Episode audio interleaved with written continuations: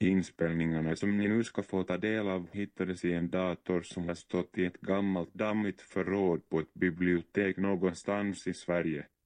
Ingen har använt datorn på många, många år. Vem det är som pratar på inspelningarna har vi ingen aning om. Ingen aning om. Ingen aning om. Ingen aning om. Ingen aning om. Ingen aning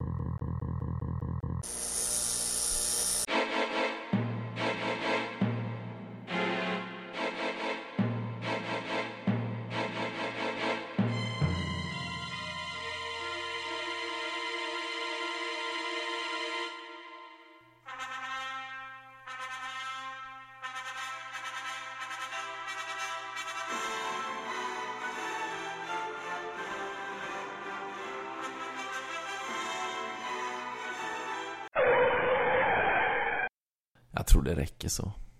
Ni fattar vad det handlar om va? Bröllop. Drömmer du om att gifta dig?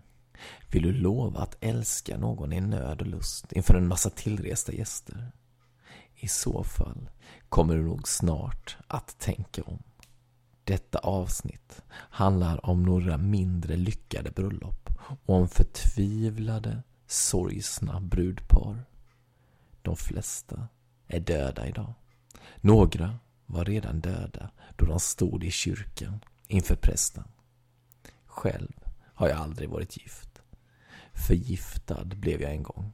Min bror lagade paj med arsenik. Gott kanske, men dödligt dåligt för kroppen. Ja, ja, nog om det. Nu ska ni få höra några ganska obehagliga berättelser. Håll till godo. I New Jersey, USA, ligger Branch Brook Park. För länge sedan lät man av någon anledning måla ett av träden i denna park helt vitt.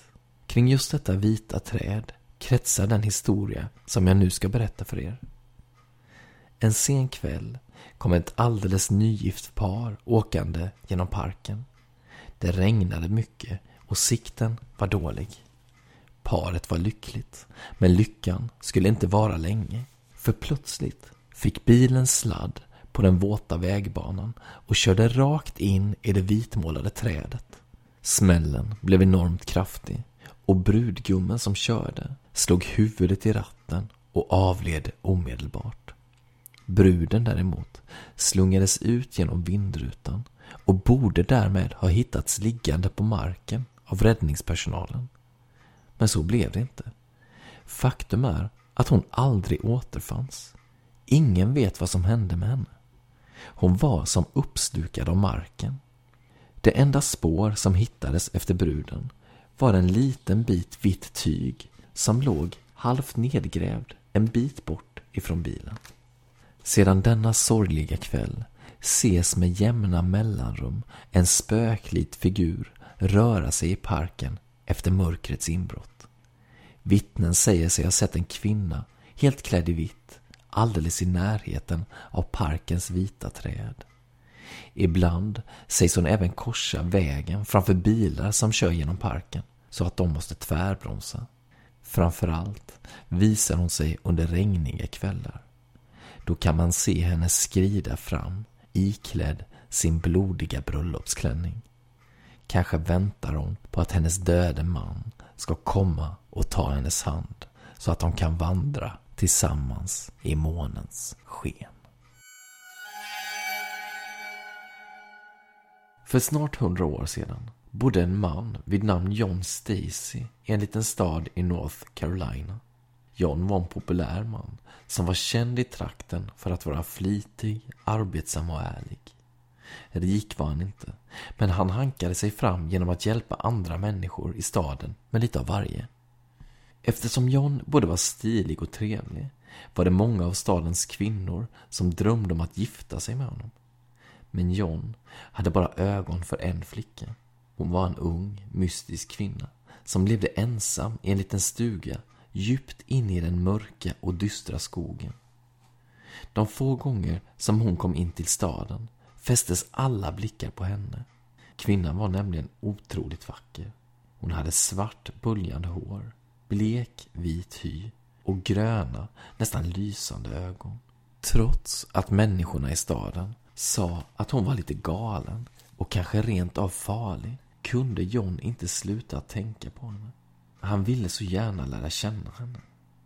En kväll var det dans i en samlingslokal centralt i staden. Alla var där och när John klev in genom dörrarna var kvinnan från skogen den första hans ögon föll på. Hon var om möjligt ännu vackrare än hon brukade vara. John tog några tveksamma steg fram till henne och presenterade sig. Och innan han visste ordet av stod de tätt tillsammans på dansgolvet. De dansade med varandra hela kvällen och nästa dag bjöd John hem kvinnan till sitt lilla hus i utkanten av staden. De skulle bara äta middag tillsammans men kvällen avslutades med att John friade till kvinnan och nästa dag så gifte de sig. Bröllopsceremonin skedde i all enkelhet, utan pompa och ståt. Och kvinnan flyttade hem till John. Huset som John hyrde var ganska trivsamt med en liten veranda på framsidan, ett stort sovrum på andra våningen och en vind som lätt skulle kunna göras om till ett gästrum. Den första kvällen som nygifta lagade kvinnan en fantastisk måltid till sig själv och John. När det sedan började bli dags att gå och lägga sig började hon bete sig märkligt. Hon vankade av och an genom rummen för att sedan sätta sig i gungstolen i sovrummet och gunga frenetiskt fram och tillbaka, fram och tillbaka. John, som redan lagt sig till rätta i sängen, blev orolig och lätt irriterad av hennes rastlösa beteende och han bad henne komma och lägga sig. Då kröp hon ner under täcket och låg där och gnällde och gnydde som en hund medan hon vände och vred på sig. John frågade hur det var med henne. När han inte fick något svar slöt han ögonen och somnade.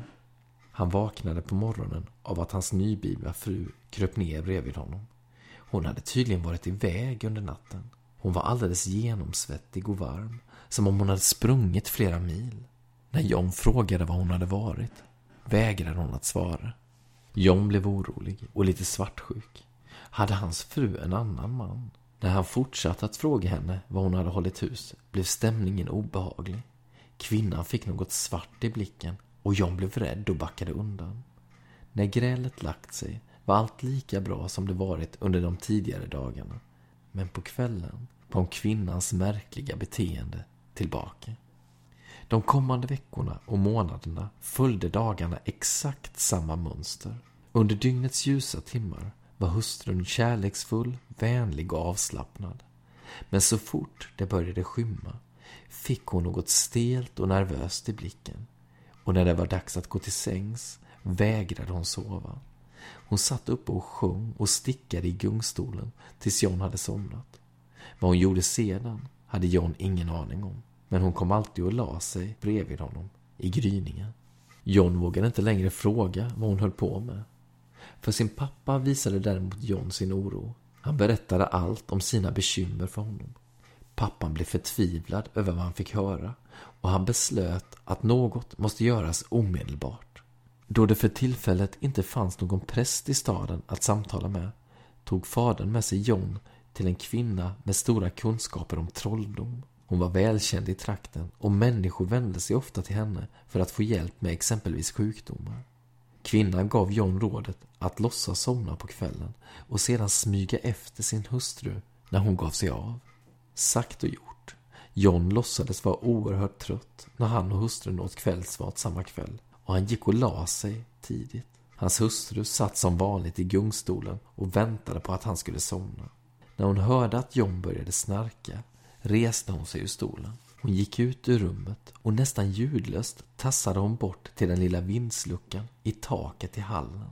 John följde försiktigt efter och såg hur hustrun öppnade vindsluckan och med imponerande kvickhet tog hon sig upp för stegen och in på den oinredda vinden som bara användes som förråd. Väl där uppe kastade hon av sig kläderna och satte sig nästan naken vid en gammal spinnrock. Hon började pumpa med foten på pedalen och hjulet på spinnrocken började snurra. Sedan hände något väldigt underligt. Hustrun satte fingret där man i vanliga fall fäster tråden och plötsligt började huden att traspa upp sig och skalas av från hennes kropp. Först försvann handens skinn, sedan armens och snart satt kvinnan där som en blodig klump bara. Spinn, spinn, kom och ta mitt skinn, skrek hon. Hon var fruktansvärd att se på. Ögonen och läpparna var borta, vilket gjorde att hennes ansikte såg oerhört groteskt ut.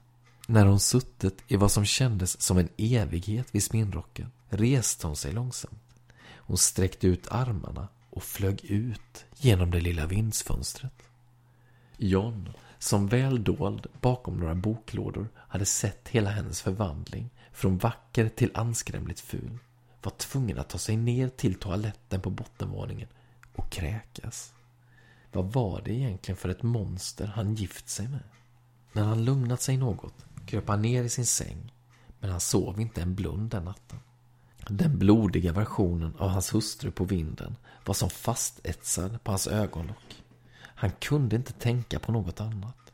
Det var nästan omöjligt för honom att låtsas som om allt var som vanligt när morgonen kom och hans fru dukade fram frukost åt honom. Så snart han kunde smet han hemifrån och tog sig tillbaka till trollkvinnan som han besökt dagen innan. En bohägg, nästan vrålade hon när John berättat om nattens händelser. Du har gift dig med en bohägg. John såg frågande ut. En bohägg, vad är det? Trollkvinnan spände ögonen i honom och nästan viskade. En bohägg är en häxa som kan byta skepnad och förställa sig. Hon lurar män i en fälla och tar dem sedan till sin bodaddy som älskar människokött. Bodaddyn, som är ett fasansfullt monster, sätter tänderna i sina offer. Till sist är det bara en hög med ben kvar av dem. Om du inte passar dig så är det som benhög du kommer sluta. Trollkvinnan uppmanade John att köpa blå färg. Så fort häxan flög ut genom fönstret den natten skulle han stryka blå färg över alla fönster och alla dörrar i hela huset. En bohag kan nämligen inte ta sig igenom en dörr eller ett fönster som är blåfärgad. Och kan hon inte krypa in i sitt skinn igen innan gryningen så får hon aldrig skinnet tillbaka. Då är hon dömd att vara en blodig massa bara, för all evighet. Men trollkvinnans plan var inte fullbordad än. Hon tyckte att John skulle lämna ett litet fönster omålat så att häxan kunde ta sig in där. Sedan skulle han fylla häxans skinn med salt och peppar. När häxan skulle krypa ner i det skulle hon brinna upp inifrån. John lovade att han skulle göra exakt som trollkvinnan sa. Den kvällen var John sorgsen när han åt middag tillsammans med hustrun. Han visste ju nu vilket monster hon egentligen var. Men samtidigt älskade han henne så som hon var under dygnens ljusa timmar. Han ville verkligen inte skiljas från henne. Men om det enda alternativet var att bli mat åt Bodaddyn så hade han inget val. Fylld med dystra tankar gick han till sängs och låtsades somna. Hustrun satt som vanligt i gungstolen bredvid. När hon sedan smög iväg upp till vinden följde John efter. Han såg återigen på när hon lät huden vidas av från sin kropp. När hon sedan flög ut genom fönstret klev John fram och fyllde det tomma skinnet med salt och peppar. Resten av natten ägnade han åt att måla fönster och dörrar blå. Endast ett litet fönster i källaren lämnade han omålat. Sedan gömde han sig på sitt vanliga ställe bakom boklådan på vinden. Strax innan gryningen kom bohagen flygande. När hon skulle ta sig in genom det blåmålade vindsfönstret gav hon till ett skärande skrik. Kanske skrek hon av smärta, kanske av ilska. Sedan hörde John hur hon flåsande och frustande flög runt huset, sökandes efter en möjlig ingång. Varje gång hon stötte emot ett blåmålat fönster fräste det till, precis som om färgen brände hennes skinnlösa kropp. Slutligen fann hon det lilla omålade fönstret till källaren och krälade utmattad in genom den egentligen alldeles för trånga gluggen. Väl inne i huset tog hon sig uppåt för att hinna krypa in i sitt skinn innan solens första strålar kastade sitt ljus över omgivningarna. Det var en vidrig syn att se hur varelsen pressade ner sin kropp i det sladdriga skinnet som låg på vindsgolvet. Den hann precis klämma in den sista kroppsdelen innan morgonen grydde. Men det var just i det ögonblicket som saltet och pepparn som John fyllt skinnet med gjorde sin verkan. Bohägen vred sig i kramper, kastade med huvudet och vevade panikslagen med armarna innan den fattade eld. Med ett fruktansvärt vrål kastade den sig ut genom vindsfönstret och försökte flyga iväg. Samtidigt kämpade den för att krypa ur sitt skinn. Men det var för sent. Vid skogsbrynet exploderade den och små bitar av bohögen föll som ett regn över träden. Den morgonen blev John enkeman och han kom aldrig att träffa någon ny livskamrat. Han levde större delen av sitt fortsatta liv i ensamhet och vågade aldrig mer fullt ut lita på en annan människa. Berättelsen som ni just hörde finns att läsa i originalversion på scaryforkids.com. Även nästa historia kommer därifrån. Låt oss kalla den Grått hår. I mitten av 1970-talet inträffade en händelse i en liten stad i västra Frankrike som kom att uppmärksammas i hela landet. Huvudpersonen i denna ganska otäcka och groteska historia var Amelie. En väldigt söt 18-årig flicka och enda barnet till Jacques och Celeste. En morgon chockade Amelie sina föräldrar vid frukostbordet genom att berätta att hon skulle gifta sig trots att hon fortfarande var så ung att hon gick i skolan. Hon hade förälskat sig i Claude, en sportig och ganska fåfäng 20-åring som hon träffat på en fotbollsmatch. Så fort de sett varandra där på läktaren hade de insett att de skulle bli ett par. Det var verkligen kärlek vid första ögonkastet.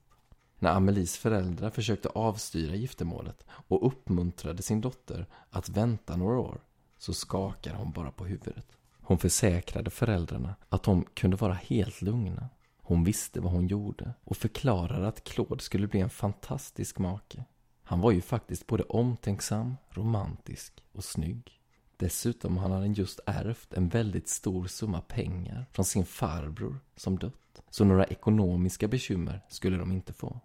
Amelie log när hon sa det. Hon älskade att shoppa. Och en del av de där ärvda pengarna skulle hon säkert kunna spendera på kläder och smycken.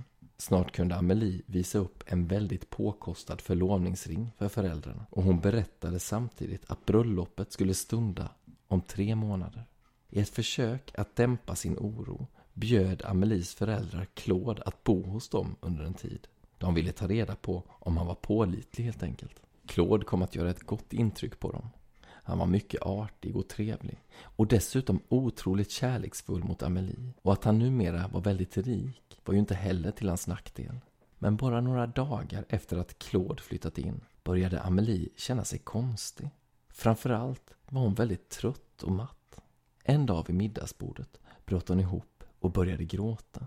Hon drömde så otäckt, berättade hon.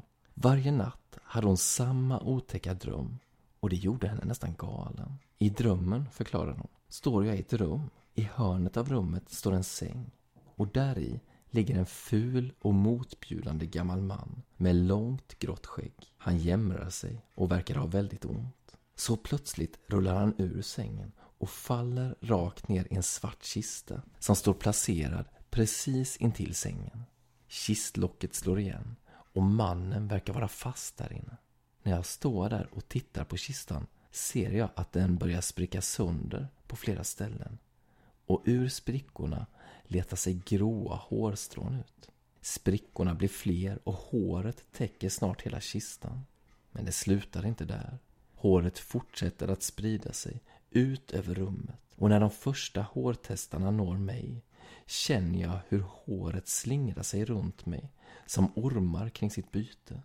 Snart letar sig håret till och med in i min näsa och mun och jag känner att jag börjar få problem att andas. Det är då jag vaknar i panik. Både Amelies föräldrar och Claude var ordentligt omskakade av det Amelie berättat. Claude hade blivit alldeles vit i ansiktet, men han reste sig från sin stol och gick fram och kramade om Amelie. Allt ska bli bra, viskade han. Allt måste bli bra. Men allt blev bara värre. Amelie fortsatte att drömma samma dröm, natt efter natt och sov väldigt oroligt. Sömnbristen gjorde henne smått tokig och hon vågade inte lämna huset av rädsla för att hon skulle kunna stöta på drömmens skäggige man i verkligheten. Endast en gång under de kommande veckorna lyckades Claude få med henne ut och det kom att ta en ände med förskräckelse. Det var en av årets varmaste dagar och folk vallfärdade till stränderna. Eftersom Amelie och hennes familj bara bodde ett stenkast från havet var bad en självklar aktivitet under heta dagar. Att bada var något av det bästa Amelie visste. Så när Claude frågade henne om hon ville följa med till stranden sa hon efter viss tvekan ja. Det hade hunnit bli sen eftermiddag och de flesta människorna hade lämnat badplatsen när Amelie och Claude bredde ut sina handdukar i sanden. Det vackra vädret och den svaga brisen från havet hade fått Amelie att glömma sina problem för en stund och hon sprang uppspelt ut i vattnet före Claude. När vattnet nådde henne strax över magen halkade hon till och försvann under det i någon sekund. När hon kom upp till ytan igen skrek hon av panik. Det var ett skrik från någon som fruktar för sitt liv. Claude plöjde sig fram genom vattnet och var framme vid Amelie lagom till att hon trillade ännu en gång. Och återigen hamnade hon under vattenytan. Claude fick tag i henne snabbt och drog henne till sig.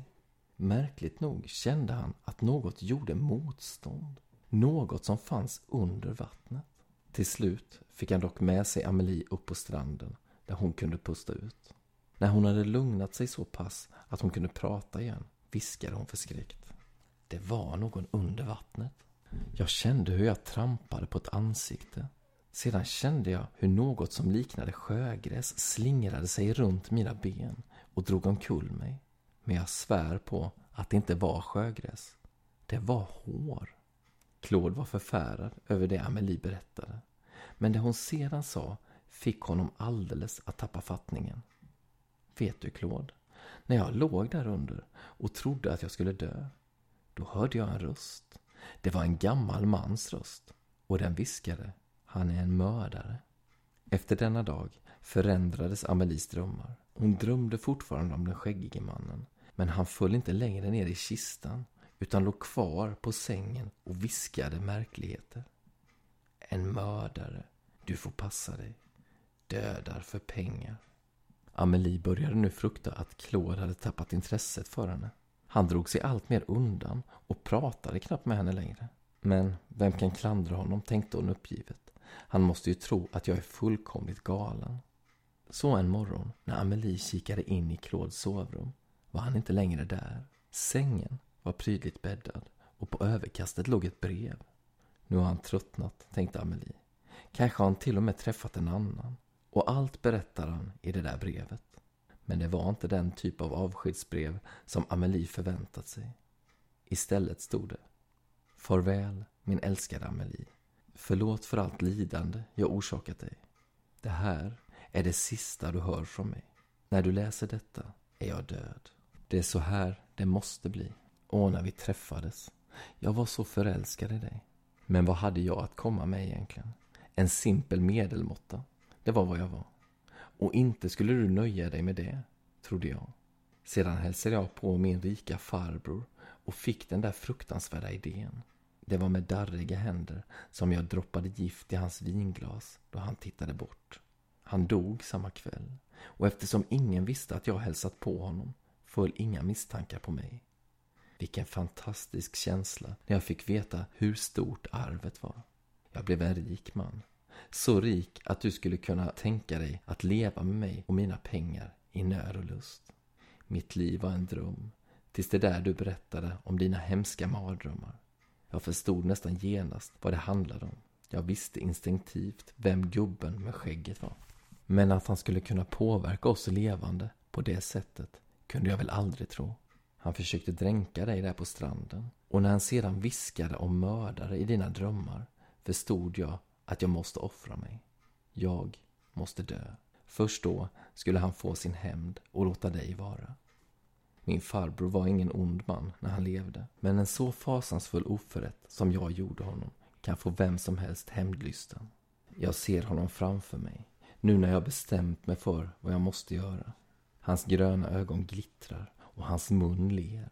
Så drar han långsamt handen genom sitt långa skägg och försvinner. Han har fått ro.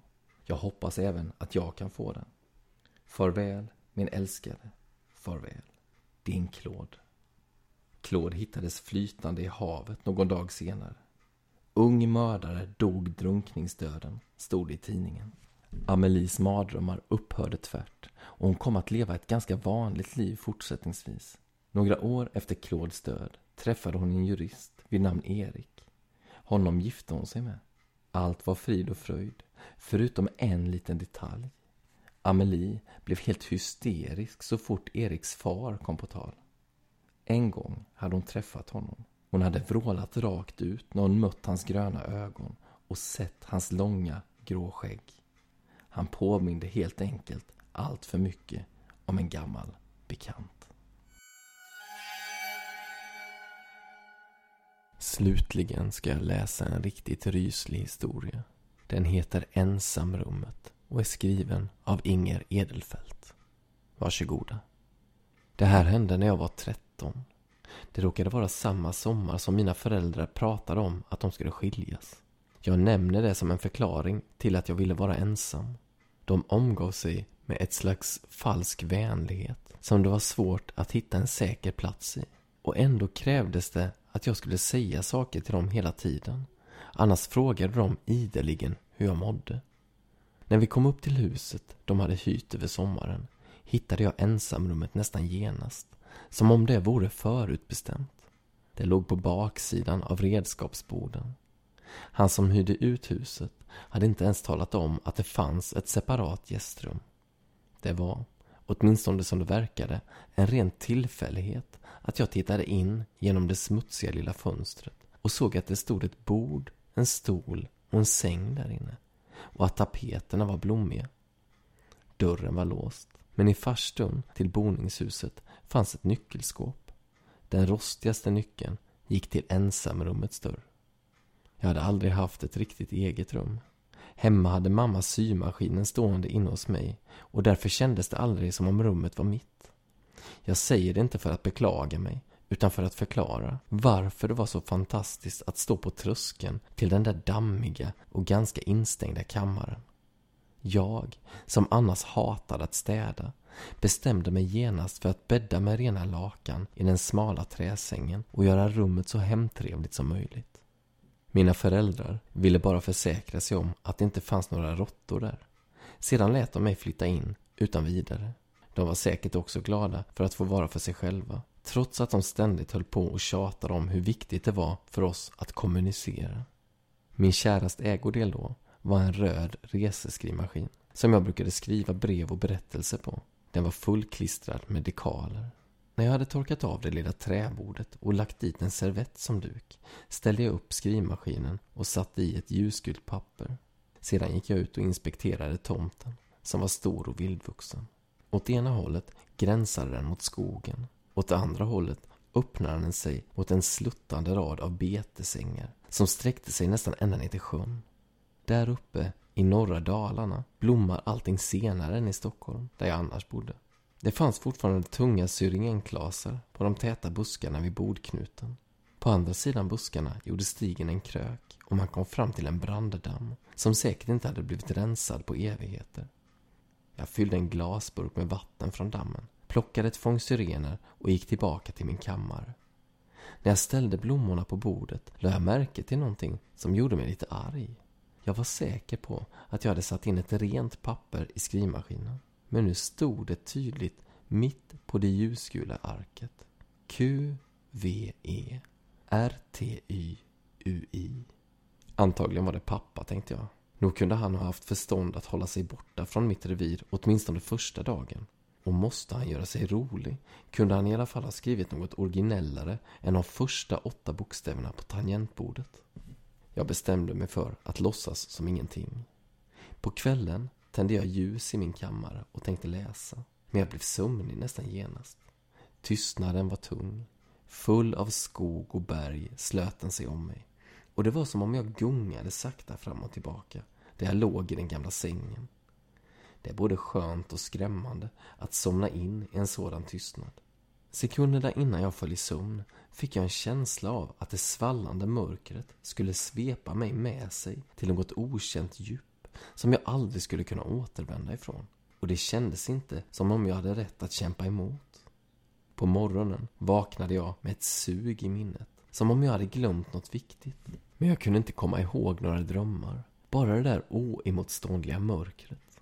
Det knackade på dörren och ett ögonblick var jag livrädd. Varför visste jag inte. Eh, varför har du låst? skrek mamma utifrån. Det var hennes stil. Lås inga dörrar. Jag måste ha tillträde överallt. Hon kom in med frukost och det var ju snällt. Sedan satt hon på sängkanten och talade om för mig hur trevligt allting ändå var. Idag skulle vi plocka bär, sa hon. Tillsammans. Innan det började regna. För även om hon och pappa pratar om skilsmässa så skulle vi ju fortsätta att vara vänner alla tre. Sedan kom pappa in också. Det kändes som om vi spelade med i en film tillsammans. Det fortsatte att kännas så medan vi gick iväg med våra bärhinkar längs landsvägen. Man behövde inte gå långt in i skogen för att hitta bär. Vi höll oss där vi såg vägen. Jag försökte sacka efter lite, men deras röster hördes hela tiden. Onaturligt muntra. Till slut stod jag inte ut längre. Jag sa åt dem att jag ville gå tillbaka, men de fick gärna stanna. Jag skulle bara ta en huvudvärkstablett, sa jag. Underligt nog lät de mig gå. Jag såg att de utväxlade en ledsen blick som gav mig samvetskval. Jag kände mig faktiskt ganska liten när jag gick vägen tillbaka.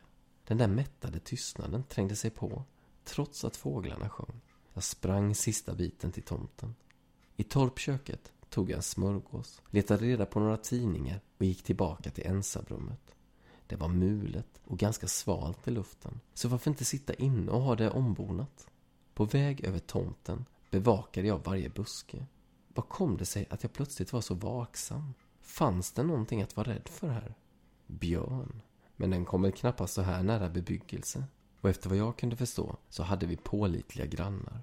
Visserligen utom syn och hörhåll, men ändå. Jag tog den rostiga nyckeln ur fickan och tvingade runt den i låset. Så fort jag hade stigit in låste jag dörren bakom mig. Jag kröp ner under filten och började läsa tidningarna. Men det var någonting som inte stämde i rummet. Något som jag hade skymtat, men inte riktigt blivit medveten om. Något? Vad? Så såg jag det. Skrivmaskinen igen. Pappret satt annorlunda. Eller hade jag lämnat det så? Jag reste mig upp. Hjärtat slog fort, fort. Benen ville nästan vika sig. Jag måste inbilla mig, tänkte jag. På det nya gula arket, som varit tomt när jag gick därifrån, stod det nu Vem är du? Det är pappa igen, sa jag till mig själv. Det finns väl två nycklar till dörren? Men när skulle han ha gjort det? Det måste vara någon annan. En sådan här dörr måste vara ganska lätt att få upp. Men varför i all världen? Jag kom på den dumma tanken att det kanske fanns en pojke i något av grannhusen. Att han kanske hade smugit på mig och ville skoja med mig. Jag stod där med ett fånigt småleende på läpparna. Men samtidigt var jag både arg och rädd. Nu borde jag faktiskt prata med mina föräldrar om det här, sa jag mig. Men det blev lunchtid och jag nämnde ingenting om det. För jag trodde nog att de skulle bagatellisera allt sammans. Kanske till och med undra om jag ljög för att dra uppmärksamheten till mig. Och även om jag var rädd så var det här ändå ett slags äventyr. Dessutom hade jag börjat grubbla på en annan sak. Tänk om det var jag själv som hade skrivit det där. Jag hade hört att man kan vakensomna en stund och göra saker utan att veta om det. Och den tanken kom mig att känna mig riktigt konstig. Något sådant ville jag inte bli misstänkt för. Då skulle de väl tro att jag höll på att bryta ihop helt över det där med skilsmässan. Och så var det det där med suget jag kände. Något som kallade mig. Ja, precis som när man försöker minnas en dröm. Eller snarare, när en dröm försöker få en att minnas. Jag stannade ganska länge i boningshuset sedan på kvällen. Jag funderade nästan på att sova där. Men ensamrummet ville inte vara ensamt. När jag gick dit var det redan skymning. Luften hade klarnat. Syrenerna doftade vid bordknuten. Jag tog ett djupt andetag. Hjärtat pickade som en vass liten fågelnäbb mot bröstkorgen. Vad gör jag här igen? for det genom mitt huvud. Skrivmaskinspappret var tomt. Med en blandning av lättnad och besvikelse kröp jag ner under det tunga täcket och somnade genast. Jag drömde att någon spikade. Jag gick i ett stort hus och någonstans spikade någon. Vad? Min kista? Jag tittade in i en massa öde rum. Överallt var det tomt. Tick, tick, tick. Långsamt och oregelbundet. Som om ett litet barn spikade. Tick, tick. Och så böljade allt sammans undan.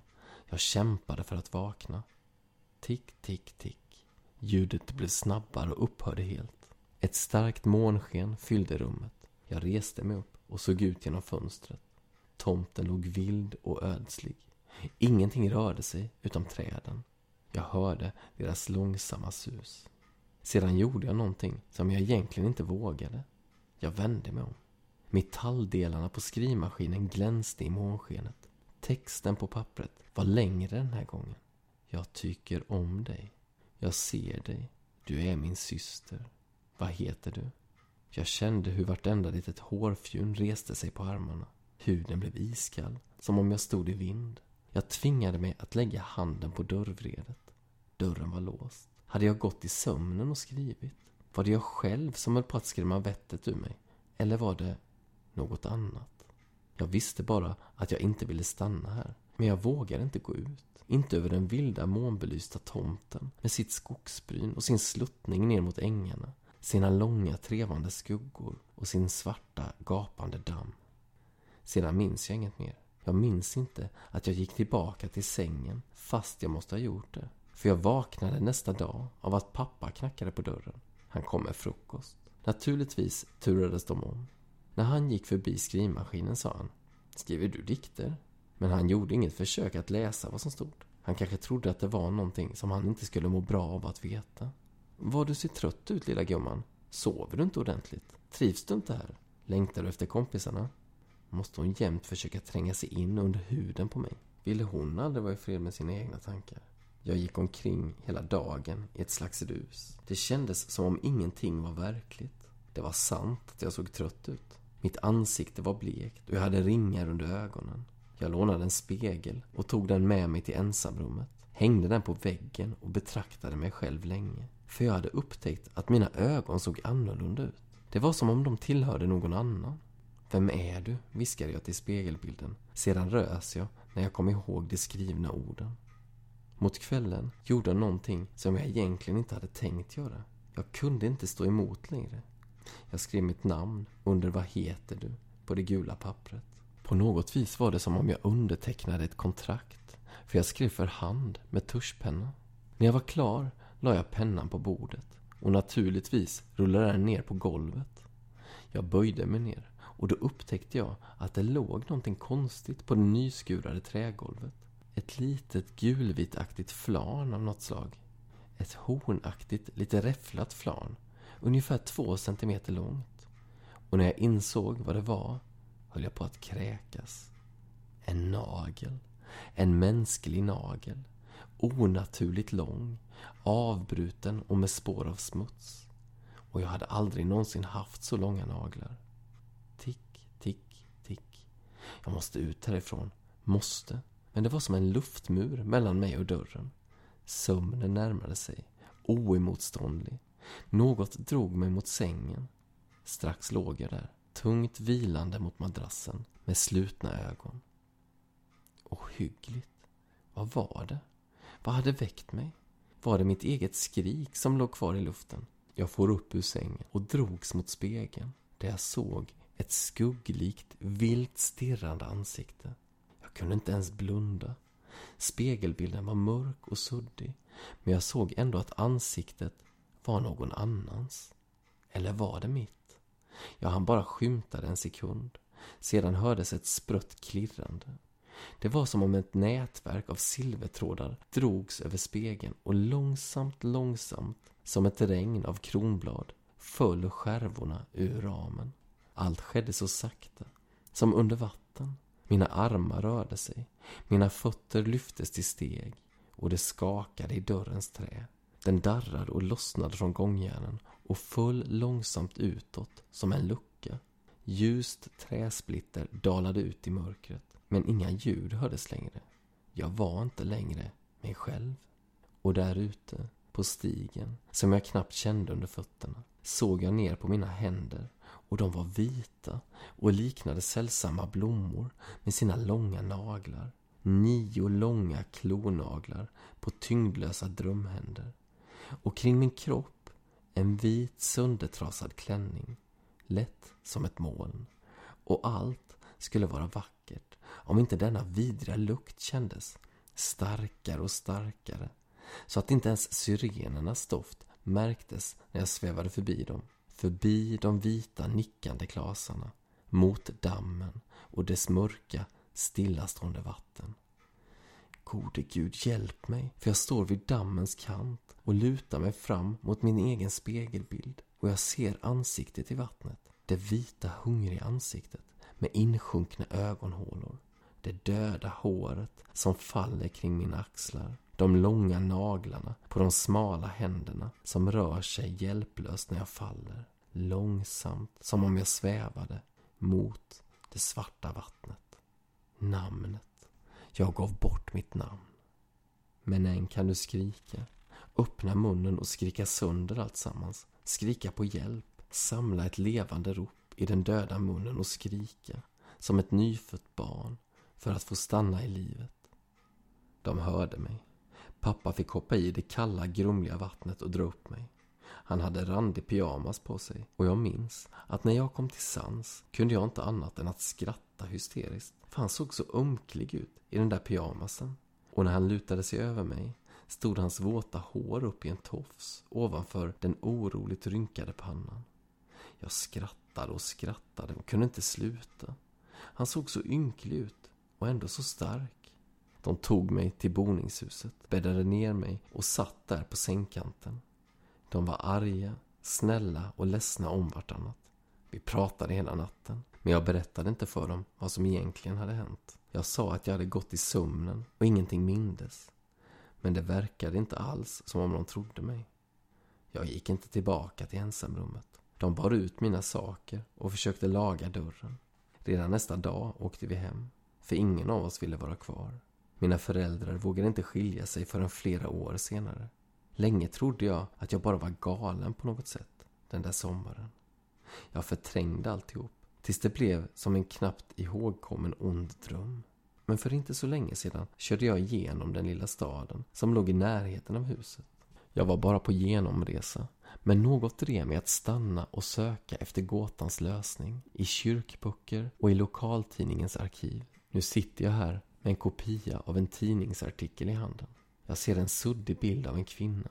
Hon ligger på marken. Hennes hår är långt och tovigt och hon ser ut att blanda sig med det leriga gräs hon vilar på. Och naglarna på de korslagda händerna spretar hjälplöst som kronbladen på en vissnad lilja. Den vita klänningen är våt, smutsig och trasig. Det suddiga ansiktet har ännu i döden ett besviket och frågande uttryck. Som om hon hungrade efter någonting som hon inte kunde få. Kanske just därför att hon ville ha det för mycket. Det är Amanda, 30 år. Kanske var det ingen som sörjde henne när hon dog. För hon hade blivit en börda för sina föräldrar. Hon hade alltid varit en allvarlig och innerlig flicka, stod det i den gamla tidningsartikeln. Men så hände någonting som förändrade henne. Hon blev sviken i kärlek. Och det på själva bröllopsdagen. Hennes blivande make kom helt enkelt inte till bröllopsceremonin. Han hade försvunnit från trakten. Efter det ville hon aldrig mer tala med någon människa. Hon blev som förbytt, tvättade sig aldrig, lät naglarna och håret växa och vägrade klä av sig brudklänningen. Hon verkade tycka att hon var ful som ett missfoster. Kom hon i närheten av en spegel skrek hon och vände sig bort. Hennes stackars föräldrar lät inreda ett särskilt rum åt henne på baksidan av borden. Och en natt gick Amanda helt enkelt ut i sin vita klänning och tog sitt liv.